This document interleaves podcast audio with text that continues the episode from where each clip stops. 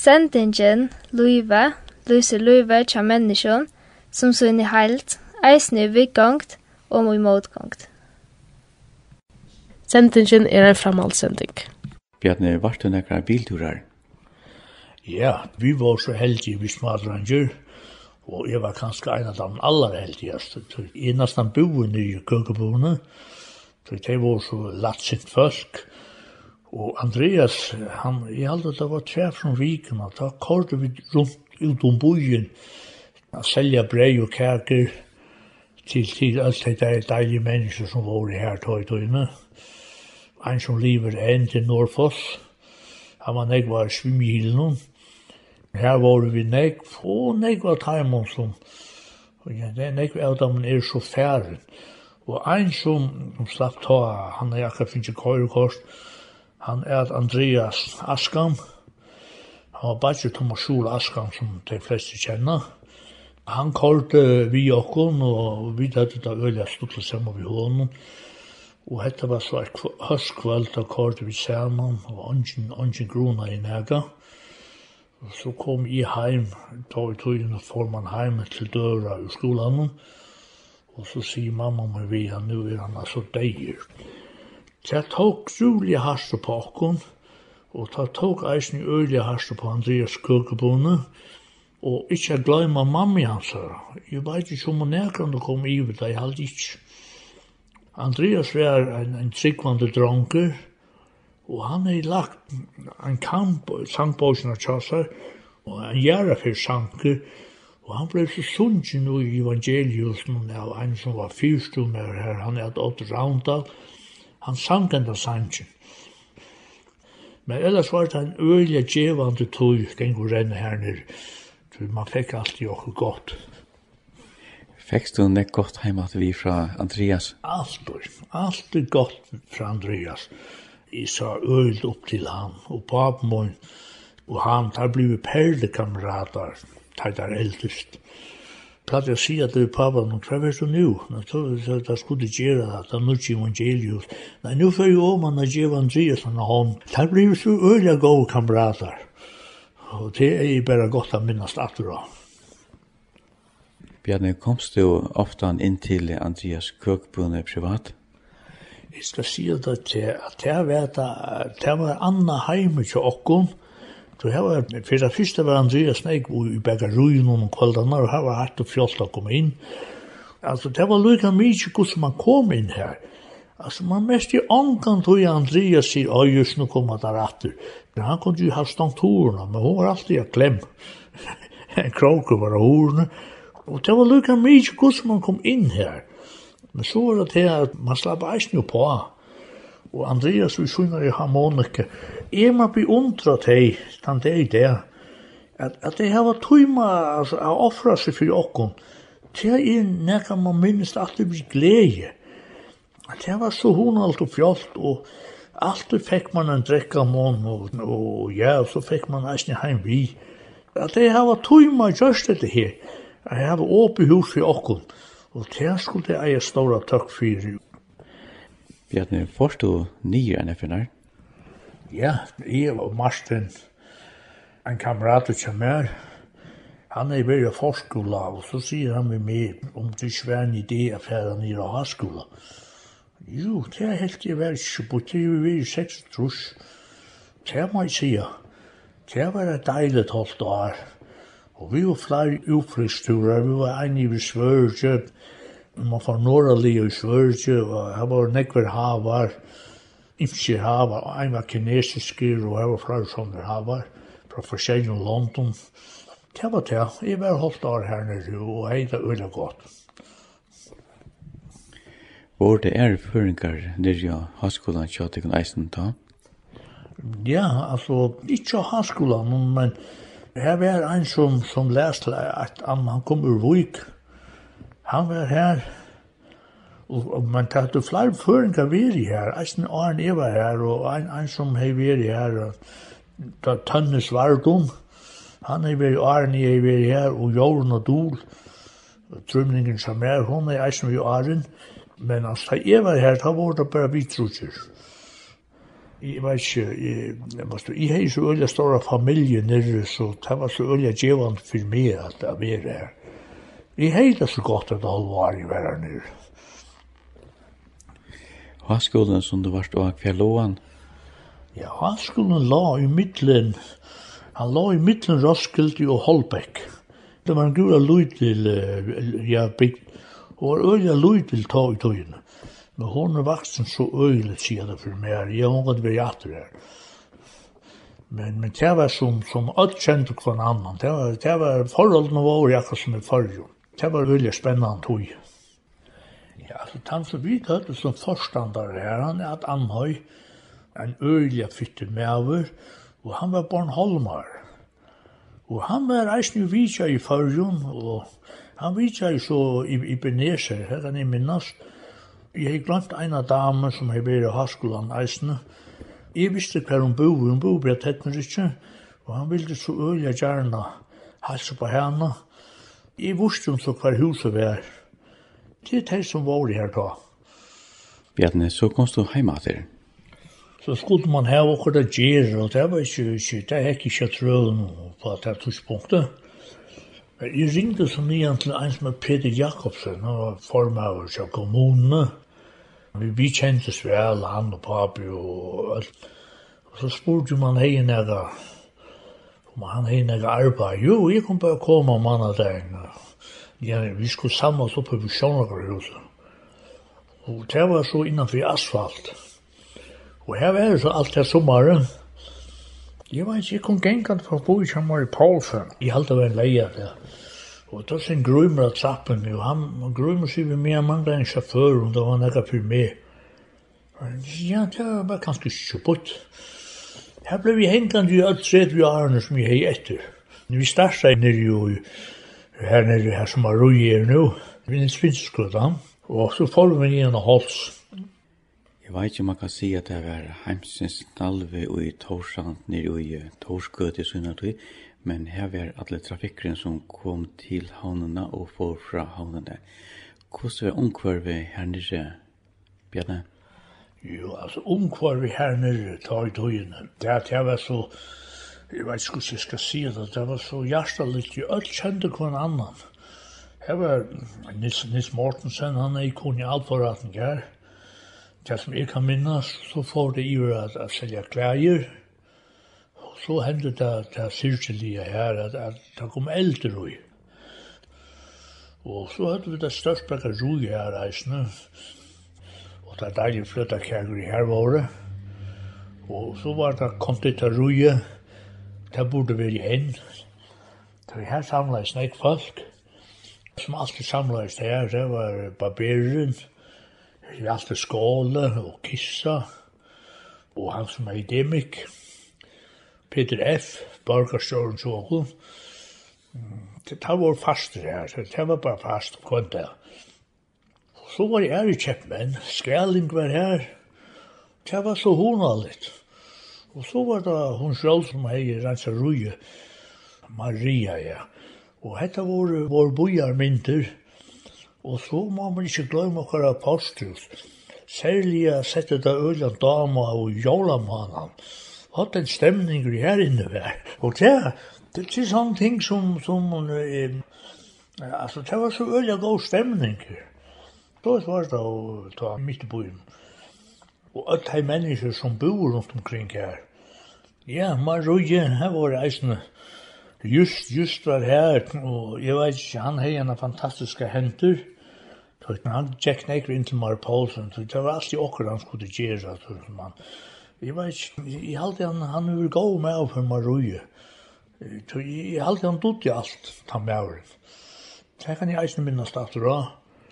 Og alle tar som var i her, tøyt, tøyene. Rubergsen, han, han var nok mest innanfor mjölkina. Han bor i eisen jo i Dr. Jakobs grøde, bankt i søgne kjepsamtøkene. Og soner hans her, han var eisen i her, han var ruinen. Nei, gå folk og minnast atter da.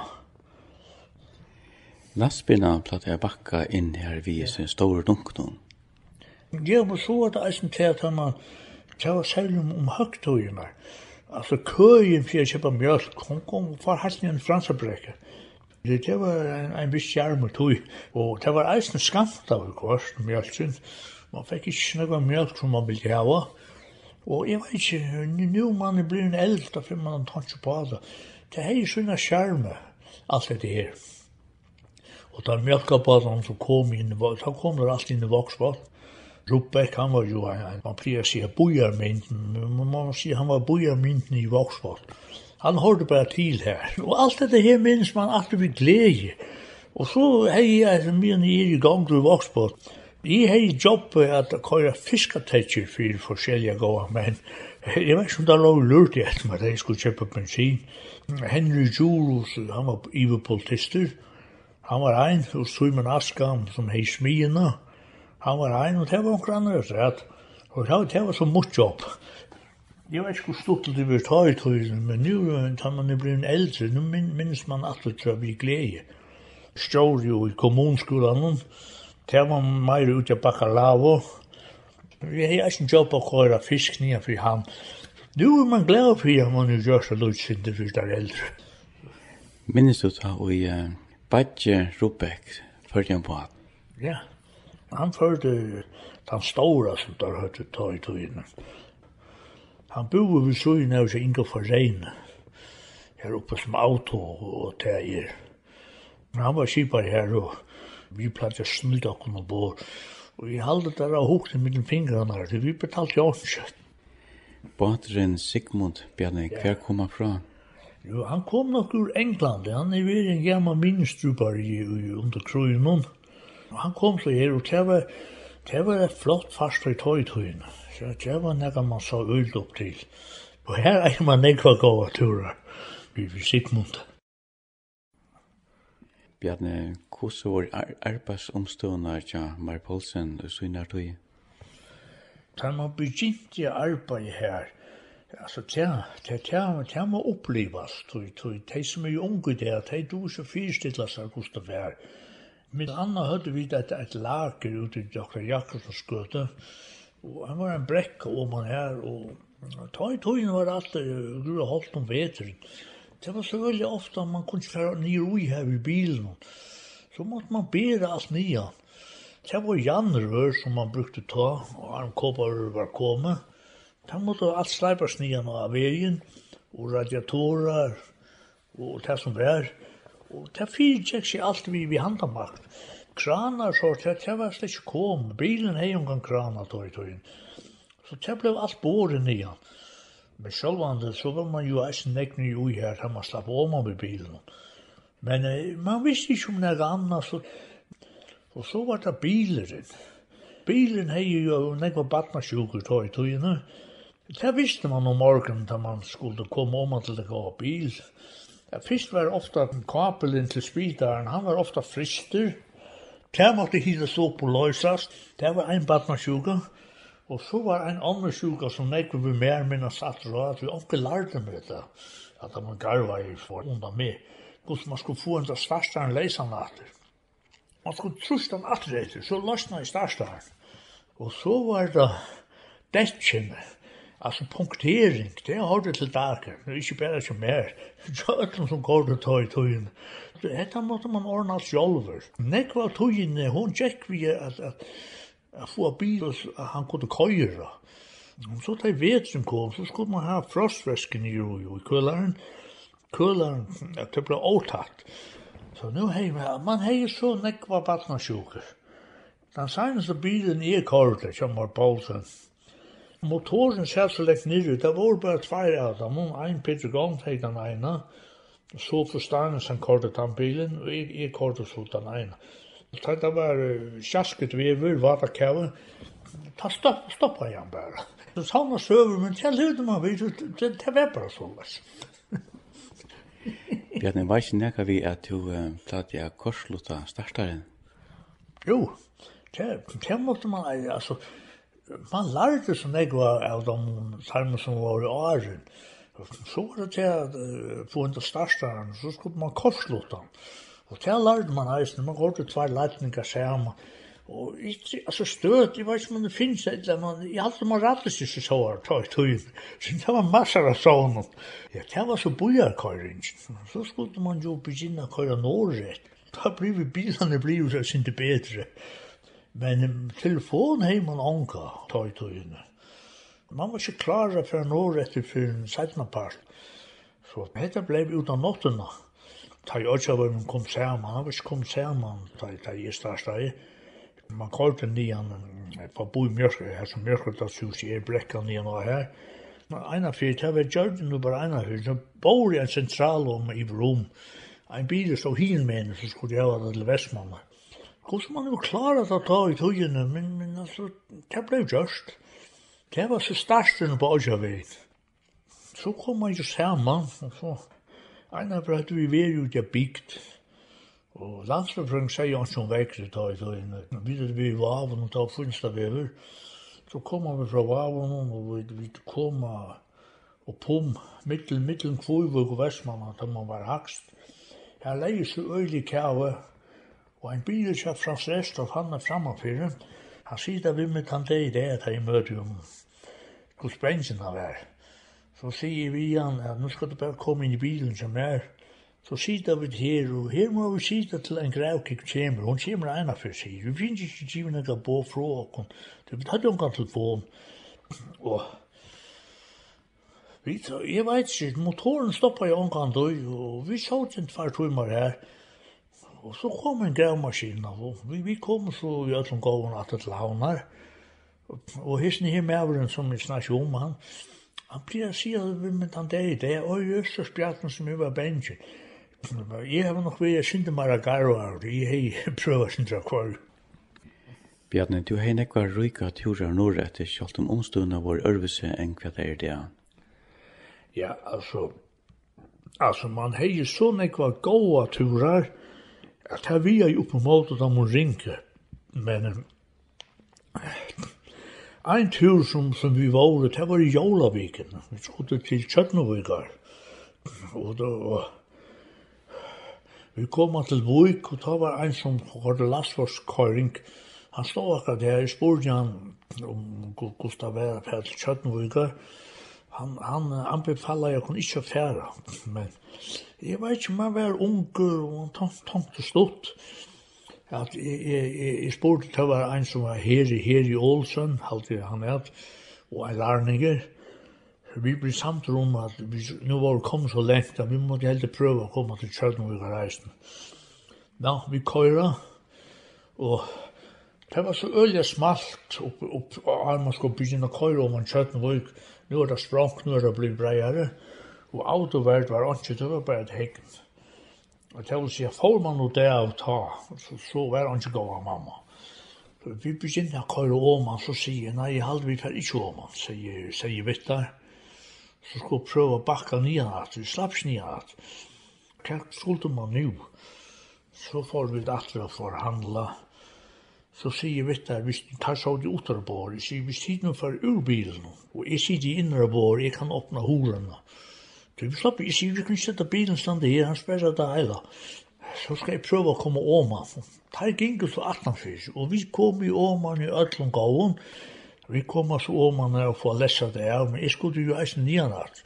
Og da var bilen tomer, og da var det øyla latter.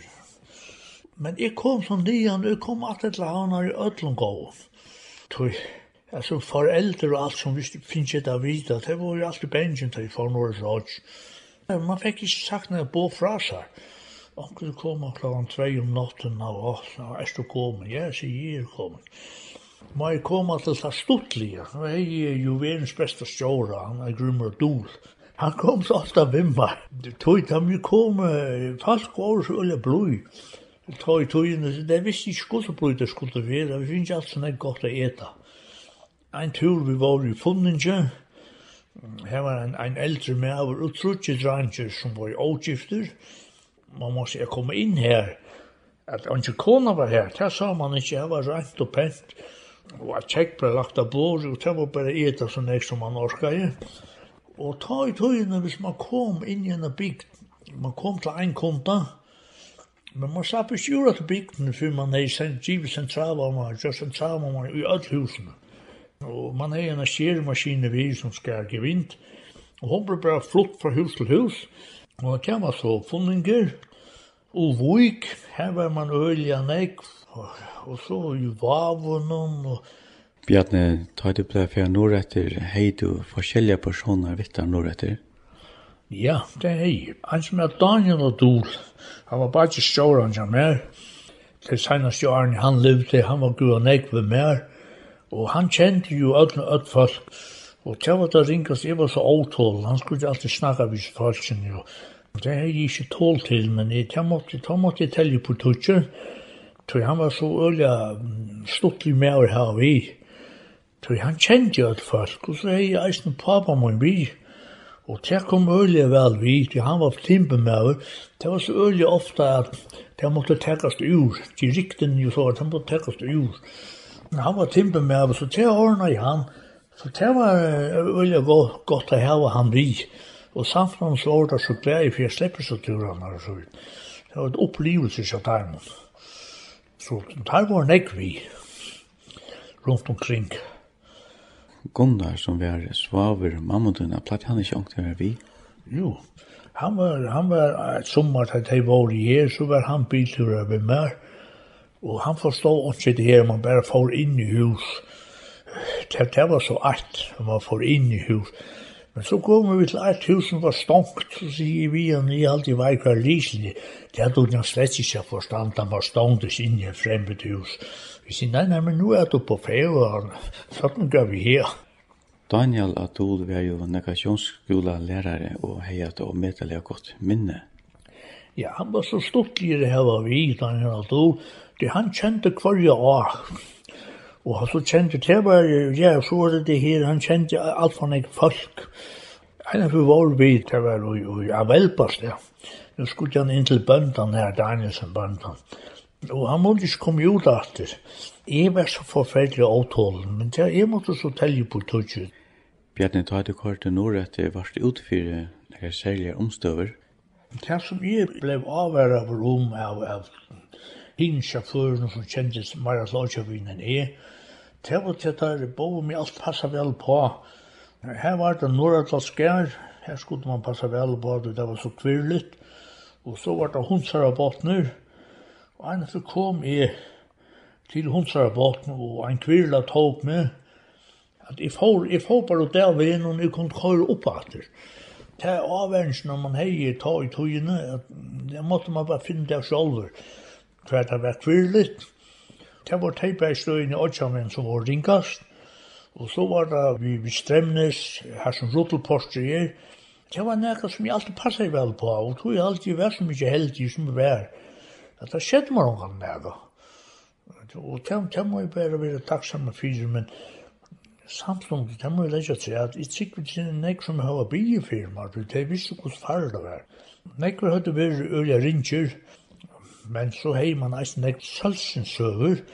Jeg var en av dem var nere i Norradale, og her slapp jeg så først ikke nian atter, han som skulle hela centralvamman, han var bedeller. Han hei en jepp som hei fyra just strekk, Han fikk så hala med nian att. Så er det var tujorna.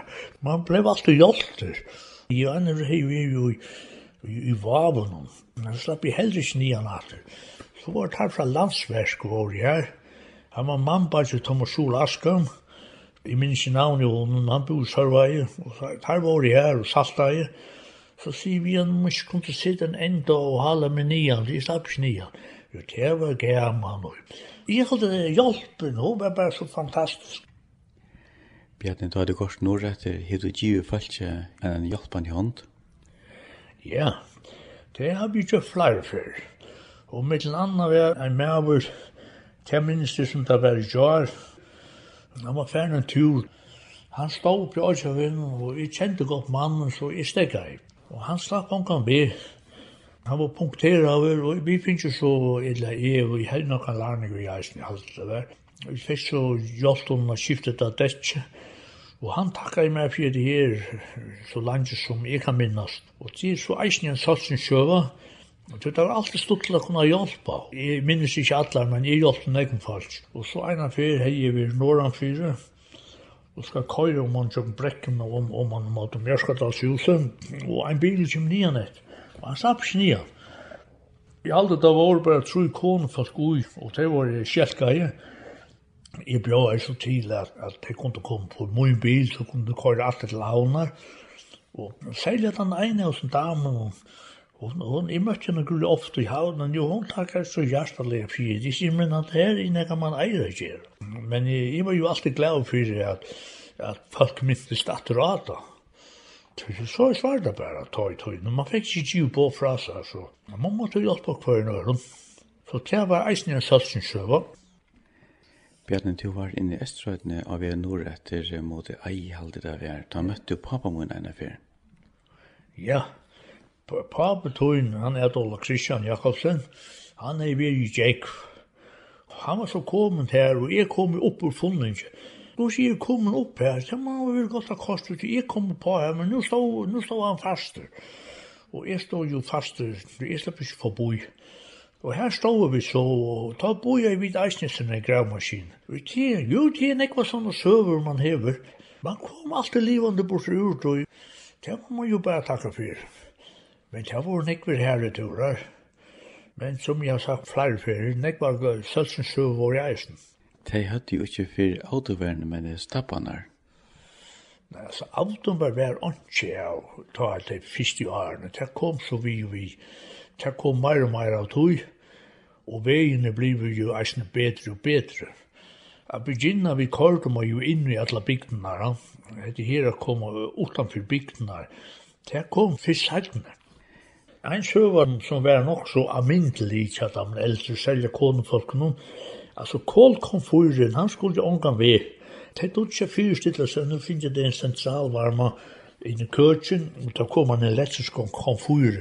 Det er ikke slags vi at det skulle komme og prøve så lest. Og så er en, en ære stortlig søve, da stjåren kommer vi i eisene. Vi var ved en sentralvarma, en eldre pære, Og så, så spyr stjåren hvordan dette skulle borgast. Men det skulle være kontant. Og, det som jeg helst var så stortlet for meg, jeg var så unger, det får jeg på Åsaloftet, og det hadde blikkassar. Og det kom først ein nye, en blikkasse nye. Hette var en strofa som, som jeg ångat hadde glad i, men jeg heldig var så stortlet. Så ble vi snitt kassen tømter, så var det ikke nok. Det er så mer om folk oppe alt. Det Kom alle igjen. En blikkassa. Så ble alle talt. Og jeg var ikke, jeg aldri da kom inn fyra sånne blikkdåser nye. Altså, det her var så gans pengene og så lost. Og det var en, en stort søv i mine øver. Bjarni, var du nekan i, i Sorøtne? Ja, jeg var flere fyrir Sorø, og Og eina, eina søver som jeg minnes ta deg der, og ta mævren, han lever, han var nu bor han i havnene, han blei anki mæver, han er oppadgifte nu, og jeg halde der, han hei, hei et kjelenavn skratar. Vi var vel måltikner som vi alltid blive, og så finnes vi seia frikadeller, og, og det er det beste seia frikadeller som jeg og grunnen er enn jeg har finnes Og ta leder sjåren som her har vi kommet ut om at det er man ikke vært så høflig, så er man ikke enda træt. Og nu forteller jeg sånne her skrattarne det her seitene. Og hva er for møte jo, nå bor han i havnen, og hva er for møte jo, og så, hallo, Bjarten, kom nå her. og det er, og man skal få sikna i seierfrikadeller. Det ble ikke nyere at det lagt, men det er jeg som beste frikadelle jeg finner i munnløyve. Bjarne, hvordan er det at vi er sjåfør og fremme av kajene? Det var ikke pakkhus her nere. Du måtte trappe opp. Man, man var gjerne nere i kajina ved 6 om morgenen. Og så stod man i kø. Man må helt være nok så tullige her nere, så var kø ikke så lenge. Man skulle være holde sjå med her når man kom om her. Og det var i ikke å begynne vi. Det var rørbunten, så skulle stropperen stittast. Man brukte trutja stroppar en køren enda, så skulle man hava ein. Og nu stod man her, ikkje domte man, at, at man måtte si hetta det man ikkje. Men tar var så øyelig at fisk Ein, En, en garvaver sjåmaver, han kom ur skåpen. Han, han minnes jeg at vi gleje, Han var skipar men han kom og lærte meg her. Det må jeg sige. Og nek vi vi hånden, fitte menn, Jeg ble halv sjå med å komme om han her og reipe, det skorsa jeg ikke så her. Djevan det tog. Platt du fer inn til en av kjøfører at uh, prata ut her i med boja i køyne. Ja, så var det til at bilene var så om så.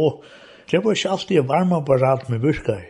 Men så gjør man ikke, man gjør det bare til at man får på sånn øren, og alle vil de hava togene stitta. Ja Så man hoppar ju på sån öron från bilen som var sin fria en mun.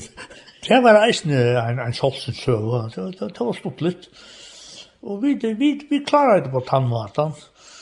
Og så får man nian at når man er ved i kajen. så skulle man inn og kjøpe dimmaletting kjøpe bokhandelen, og her var ein merver som man eisne minnes at det var, det var sekkmerkaren. han var kvann morgon. og det var, man visste akkurat hvor kom her. Og han som passar i shoppen her, han kunde man man kunde sitta klockan efter honom. Det her var alltid åpe. Han som passar i förrättningen var det Karl. Jag tror jag hade nok han et Karl, jag hade en bo attan i bokhandeln. Så vart som jeg minst. Så man fick alltid ett honaligt prat. Bjarne, av värstan kommer i Polsen, kvar vår her? Ja, det var en øyelig gjevande tog. Martin Wilhelmsen, han var, han var mastare, og han var, han var mest inne i Vestland. Han, han tog så øyelig vel av Lotta, og ta i togene kom så nek folk nian, det var øyelig nek med nølsingar som kom nian her, og her kom en Rikva Primusson inn, Tog jeg var nek prat i her, jeg var alt, her var nek var gåvar. Og det var så Marsten, han var så Og så var det Hakon Mortensen, og så var det Jan Ann Sørensen, og Jan Sørensen, han var så stort, han ble landet ut til Vattenverket. Og så var det humørbombenar, Thomas Olaskan, og nekker vi hånden, og i krogabrekkene. Og jeg vet ikke, jeg var nekker gode men Jeg fikk opplevelse i arbeidet sammen med dem, og alle skulle køyrast. Det var bare min biler. Og så skal jeg glemme mann om til Grimmer Dur. Han var så ivrig B6 til fotball. Og jeg var så rævlig ivrig og i håpet. Den første tøymen, han gikk som oftast bare vi fotballsprat. Så skulle vi da om han i. Jeg halte det var nesten kvant der vi får om han har Gjallstående og ordnet noen papurer. Og det var samme skiler. Det var fotballer. og, og så var det ikke glemme politikker. Grøyme var så grulig i vil folkefloksen her, og Eva Jana og med, og så snakki, jeg vet ikke, jeg hadde stjåren nye Gjallstolen, jeg var god tid til det her, det var en frutøy med vær, da vi kom, og det må man eisen bli, minnes at det var Sonja, hun, hun var her, og Jens, Jens oppi at dela vi noen, han var i kassan, og det var alltid spennende å komme om han her, og så herfra ut av kajene, og det var samme skile. Oppi av kontoren og største etter, og så inn i pakkhuset. Jeg halte det var så ivrig fotboll ja. Men nå, et som jeg stjåra vi, så ble alt godt tid. Det var ikke nekva arbeid, det var det første tøymann. Jeg og grunn på, jeg vil om det vel prate. Kan bare minnes at det var så godt alt det var. Deilig tøy. Bjarne, du en daglig gong til nye kajene. Ja, du var så vel kjent der nere, fikk du nere gav fra dem. Jeg var så heldig at tredje land i her nere. Det var noen flere som skulle hava, hava dunner av jålen. Og jeg vet ikke, mitt er det alle vi er kommet på en gode lista. Jeg fikk dunner hver som jeg var i jål. Det var jo, jo kærkom. Og det var jo en mindre fytte med. Siste må vi jo i sms nå en dag. Nå kommer en og sier, hallo, vi med Nu er det en som er arbeidet her nere, jeg kjente han ikke after. Han sier vi med, Bjarne, minnes du at jeg sa togene her, ja, om vi minnes. Platte vi er inne i Kipafjellene opp til kontoren og her. Her var vi et eisen, nek hva Kipafjellene. Jeg vet ikke, det må så bli å gå til. Jeg hadde alt arbeid stekket jeg opp da vi kom her. jeg hadde det ble god tid, jeg har hadde. Så det satt jo ungene der. Og det var fotbollster og politikker i lengenbanen. Bjarne, minnes du nekka taimu som arbeidde og kjipa fylna av kontoren der? Man minnes allar, allar som var her. De var så lykka til alle her. Jeg vet ikke, jeg har alltid alt vår blod som var her. Altså, man var omgått til kjentra kom og som kontoren, og det var det samme alt kontoren, og kjipa fylna i tredje line. Jeg må ikke tog jeg kajen, det kunne vi nok så strev over kvart, men jeg kan bare minnes allar at vi glede. Kjente du det godt av Kipapellan? Ja, ja, ja. Altså, Lucha Sjohansen, han var gøtemøver. Han kjente jo øyelig vel. Og Johannes Vardum. Og så var det han som hei vært til hva fyrste av Kjaldrun, om, til det selv til kjaldren, han ble kontormøver her. Han var sånne til Nitsi Heinon. Han var eisne kontormøver og Nolsø. Og her var han ikke god menn. Jeg kjente alle som var her. Eisen Sjåran, Ottor, og Skrøter, han var eisen Sjåri her. Det var det djevande løter å komme inn her. Bjarni, vi er i Krymur ofta når flåt? Ja, Krymur var ofta flot, Og så er han grannarna her, han er jo han i Sjol Askan. Selja konan, pleier sier vi mer, nu kommer vi nek saman til soneren i gifter innen. Ja Og hon sier alltid gossi etelig teivåri av vi hava som grannar. Grøymo får alltid nian her vi fisk, der han er vi a flåte. Og Grøymo var ofta flåte. Og der snakkar hun om den det og det. Det er eisne en, en sjøva som, som i aldri er djevande. Bjarni, hvordan var det vid det økonomiska og i tunnare arbeidstøy? Altså, da jeg begynte sammen med Poulsen, kortet da gruvelig stramt. Altså, vi finns ikke alltid våra pengar. Men det var ju ofta da fikk man ena från vikerna. Grymor spurgade jag om om vi kunne boja vi sindri och då Jo, det, det var, men så kunne vi nästan komme sjolver, hvis vi vill en glömma någon av segel. Jag spyr om vi kunne få en undan av segel. og, och, och det var, det var jeg i Bergborg. Så vi hjälpte hver en öron. Og det ble alltid ordentlig kjøtt og semje. Og så var det nære som folk ikke kjenner til nå av døven. Det var vekslar. Jeg bygde selv hus, ta i 45, og jeg halte det, jeg, jeg kjørte på skjevvekslen. Jeg får til Mare Paulsen og spurte der, og om jeg ikke kunne få en tvær veksler her, for jeg ordnet med sentralvarma. Og så las kjørte det, og jeg minns jeg skulle eisen bruke nok snakka penger til, til et eller annet i forbindelse med huset. Og da får jeg i skalabuna til pappabadet som her, og spurte han om han skulle grifla et navn. Vi hadde i enda i presjei. Og det var nemmere å få, men det var øyla dyr, det rentene var så høy. Men så la kortet det bare. Vi hjalp hver en øren, og, og, og til en, en, en sjølsig søva minne atter, og hvordan man hjalp hver en øren. Og det er ikke vondt. Jeg kan bare gledes om togene, og hun har jo sånne skjerme. Bjarne, Mar Poulsen høtte der gassvelle? Det ble givet tidsi fra, det var tvær batsar som bor gjennom Sprongs. Jeg vet ikke hva firma der høtte. Der ville slippe av etter gassi, og det kom så til Mar Poulsen. Det jobbet fikk jeg så å køyre etter gassi rundt. Det var eisen nok så stort, litt, man kom inn og kvar kjallarer det var alt, det kan jeg ikke bare gliast aftur men det var så primitivt, Alla de tomme fløskene skulle sendes nyer. I, i halv man sendte det nyer en fra vikene. Og så skulle man ut etter kajen etter det man, man få der heimater. I halte det, i halte kjalt så kom en fra vikene. I halv det var så løs. Bjarni, du hadde gått nord etter, har du givet falskje en hjelpende hånd? Ja, Det har vi gjort flere før. Og med den andre var en maver, til minst det som det var i år, han var ferdig en tur. Han stod på Øysjøvinn, og jeg kjente godt mannen, så jeg stekka i. Og han slapp om kan be. Han var punkteret over, og vi finnes jo så, eller i, og jeg hadde noen lærning i eisen i alt det der. Vi fikk så hjelp om å skifte det av dette, Og han takka i meg fyrir det her så langt som jeg kan minnast. Og det er så eisen en satsen sjøva, og det var alltid stort til å kunne hjelpa. Jeg minnes ikke alle, men jeg hjelpte negen falsk. Og så en av fyrir hei jeg vir norran fyrir, og skal køyre om man tjokk brekken og om, om man måtte mjørskadalshuset, og en bil kjem nian et.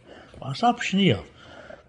Jeg halte da var bare tru kone folk ui, og det var kjelka i, jeg bjør er så til at, at jeg kunne komme på min bil, så kunne jeg køre alt til havner. Og særlig at han ene hos en dame, og hun, hun, jeg møtte henne gulig ofte i havnen, jo, hun takker så hjertelig for det. Jeg men at her inne kan man eire gjøre. Men jeg, jeg var jo alltid glad for det at, at folk minnes rata. Så jeg svarte bare at ta i tøyne. Man fikk ikke giv på fra seg, så man måtte hjelpe hver nøren. Så det var eisen i en sølsensjøver. Bjarni, du var inne i Estrøytene av er nord etter mot ei halde der vi er. Da møtte du pappa min ene fyr. Ja, pappa tøyen, han er Dola Kristian Jakobsen. Han er vi i Jekv. Han var så kommet her, og jeg kom opp ur fundingen. Nå sier jeg kommet opp her, så man var vel godt av kostet. Jeg kom på her, men nå stod, nå stod han faster. Og jeg stod jo faster, jeg slapp ikke forbi. Ja. Og her stod vi så, og ta boi jeg vid eisnesen i gravmaskin. Vi tjener, jo, tjener nekva sånne søver man hever. Man kom alltid livande bort ur, og det må man jo bare takka for. Men det var nekver herre turar. Men som jeg har sagt flere fyrir, nekva sølsen søver var i eisen. De hadde jo ikke fyr autoverne, men det stappanar. Nei, altså, autoverne var ikke av ta alt det fyrst i årene. Det kom så vi og vi det kom mer og mer av tog, og veiene blir jo eisne bedre og bedre. A begynna vi kordum meg jo inn i alla bygdena, her, etter her kom utenfor bygdene her, det kom fyrst seitene. Ein søvann som var nok så amintelig ikke at han eldre selger noen, altså kål kom fyren, han skulle jo omgang vi. Det er ikke fyrstittelse, nå finner jeg det en sentralvarme, inn i køkken, og da kom han elektrisk og kom fyr. De, de tog flest vi at det skulle komme og prøve så lest. Og så er en, en æra stortlig søve, da stjålen kommer vi i eisene. Vi var vi en sentral, om så en eldre pære, og så, så spyr stjålen hvordan det skulle borgast. Men det skulle være kontant. Og, og det som jeg helst var så stortlig for meg, jeg var så unger, det får på åsta loftet og det hadde blikkassar. Og det kom først ein nye, en blikkasse nye. Hette var en strofa som, som jeg ångade glad i, men jeg held det var så stort. Så blei vi snitt kassen tømter, så var det ikke nok. Men det er så mer enn folk opp alt, det kom alt vi igjen, en blikkassa. Men så blei alt talt. Og jeg var ikke, jeg aldri da kom inn og fyra sånne blikkdåser nye. Altså, det her var så gans pengene og åseloftet. Og det var en, en stort søv i mine arbeid. Bjarni, var du nekan i, i Soret, ne? Ja, jeg var flere fyrir Soret, og, og eina, eina søv som jeg minnes ta deg der, og ta med han lever, han bor, nu bor han i havnene, han ble ikke med over, han er oppadgifte nå, og jeg halde det, han heier hei et kjelenavn Skrataren. Vi var vel måltykner som vi alltid blivet, Og så finnes vi seierfrikadeller, og, og det er det beste seierfrikadeller som jeg og Grøymen nærmere har finnes. Og ta leder i sjåren som her har vi kommet dumme at det. Jeg må ikke være så høflig, så er man edre enn et træt. Og nå forteller jeg sånne her skraterne det her, sættene. Og Og hva er for møte jo, nå bor han i havnen, og hva er for møte jo, og så, hallo, Bjarten, kom nå her. og det er, og man skal få sikna i seia frikadeller. Det ble ikke nyla at det lagt, men det er jeg den beste frikadelle jeg finner jo munnløyve. Bjarne, hvordan er det at vi er sjåfør og frem av kajina? Det var ikke pakkhus her nere. Du måtte trappe opp. Man, man var gjerne nere i kajina ved seks 6 om morgenen. Mm Og så stod man i kø. Og man må helst være nok så tullige her nere, så var kø ikke så lenge. Man skulle være holde sjå med her når man kom om her. Og det var i ikke å begynne vi. Det var rørbunten, så skulle stropperen stittast. Man brukte trutja stroppar. Ein og kvar enda, så skulle man hava ein. Og nu stod man her, ikkje domte man at, at man måtte si hetta dutte man ikkje. Men tar var så øyelig at fisk bjørn seg en, en garvaver og han kom ur skåpen. Han, han minnes jeg at vi glede, han var skipare, men han kom og lærde meg her. Det må jeg sige. Og nek vi blir hånden, fitte menn, jeg ble holdt på sjå med å komme om han her og reipe, det skorsa jeg ikke så gjerne. Djevande tog. Platt du fer inn til en av her at uh, prata ut her med å boja i køyene. Ja, så var det til at bilene var så om så. Det var ikke alltid varmeapparat med virka i. Men så gjør man ikke, man gjør det bare til at man får på sånne ører og tog. Alle vil de hava togene stitta. Så man hoppar i på sånne ører som bilen som var sin friere enn min. Det var eisen en, en solsen søv, det, det, det var stått litt. Og vi, vi, vi klarer det på tannmaten. Og så får man nian at man er ved i kajen, så skulle man inn og kjøpe dimmerletting til bokhandelen, og her var en merver som man eisne minnes at det var, det var sekkmerkeren, han var kvann morgen, og det var, man visste akkurat hvor kom her. Og han som passa i shoppen her, han kunde man, man kunde sitta klokken etter honom, for her var alltid åpe. Han som passa i forretningen, var det Karl? Jeg tror, jeg halte nok han et Karl, og jeg halte han bo Atlanfyrger i bokhandelen, så vart som jeg minnest. Så man fikk alltid et honalig prat. Bjarne, av verstan kommer i Paulsen, hva er vår her? Ja, det var en øyelig givande tog. Martin Wilhelmsen, han var, han var mastare, og han var, han var mest inni av verstan. Han, han tog så øyelig vel av Lotta, Og ta i tøyen kom så nek folk nian, det var øyla nek nølsingar som kom nian her. Og her kom en Rikva Primusson inn. Tøy, her var nek prat inn her, her var alt, her var nek var gåvar. Og det her var så Marsten, han var så... Og så var det Hakon Mortensen, og så var det ja, Ann Sørensen, og Jan Sørensen, han var så stort, han ble landet ut til Vatnverstjen. Og så var det humørbomben her, Thomas Olaskan, og nekker vi hånden, uimund i krogabrekkene. Og jeg vet ikke, jeg var nekker gode menn. Jeg fikk opplevelse i arbeid sammen med dem, og alle skulle køyrast. Det var bare min biler. Og så skal jeg glemme mannen morgen til Grymmer Dor. Han var så ivrig i B6 til fotball, og jeg var så rævlig ivrig i håpet. Den første tøymen, han gikk som oftast bare vi fotballsprat, og Så skulle vi då man i ord, i halvt det var nästan kvant där vi får man att jallstående och ordna några papurer. Och det var samma kile, det var fotbollter och, och så var det inte glömma politiker. Grymmer var så grulig i folkaflossen här, Eva Jana, med Og så snakki, jeg vet ikke, jeg hadde sjåren i Gjallstolen, jeg var god til det her, tog. Det var en frutøy med vær, da vi kom.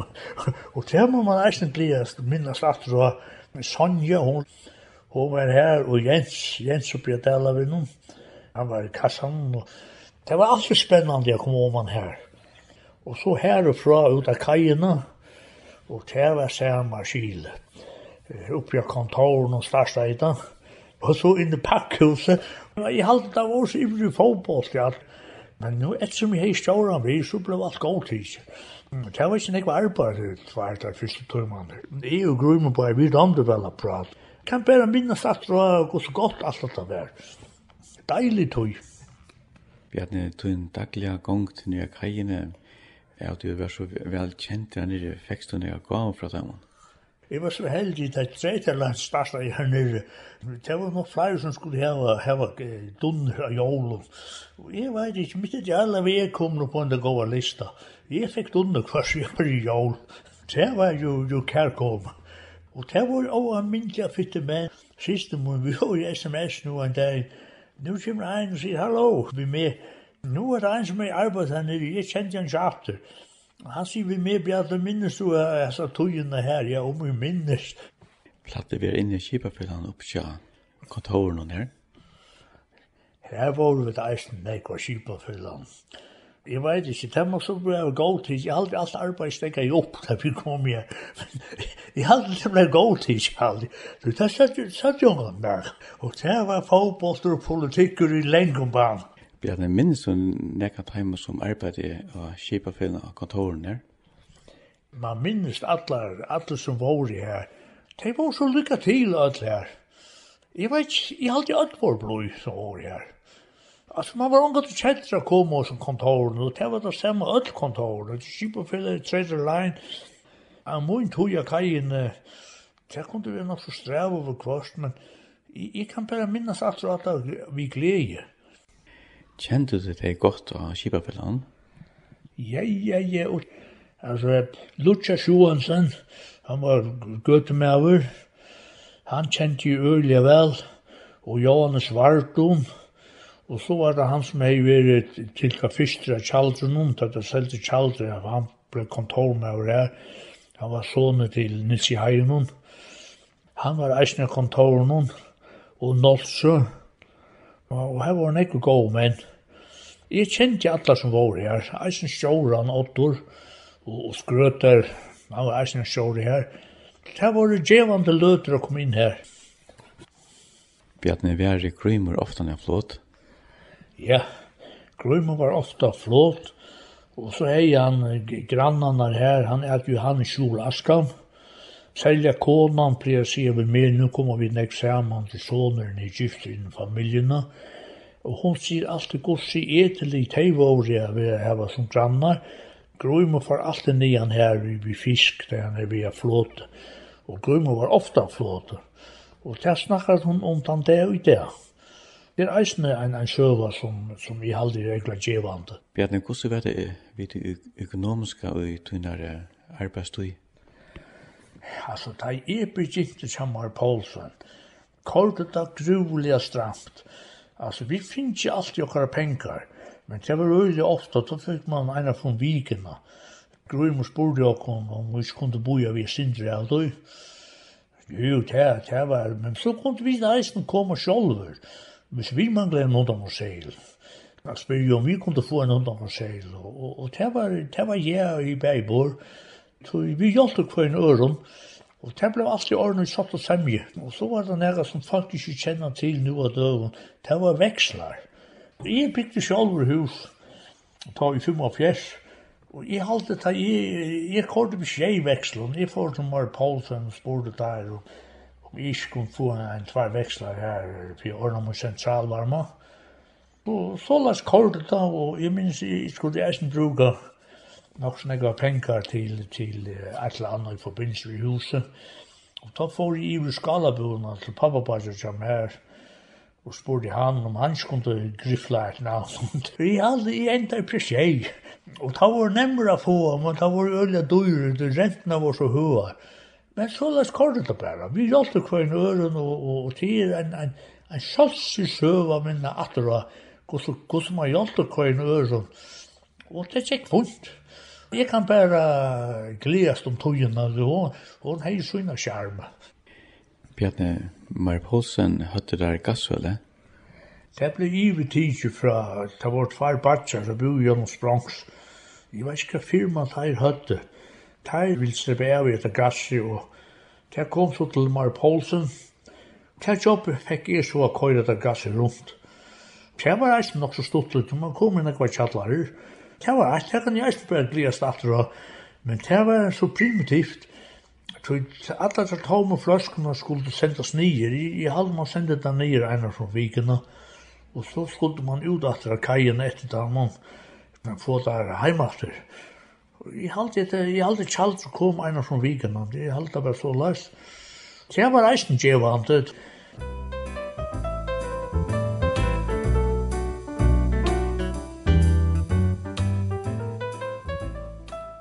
Bjarne, hjertelig takk for at du ville være i og sendte ikke.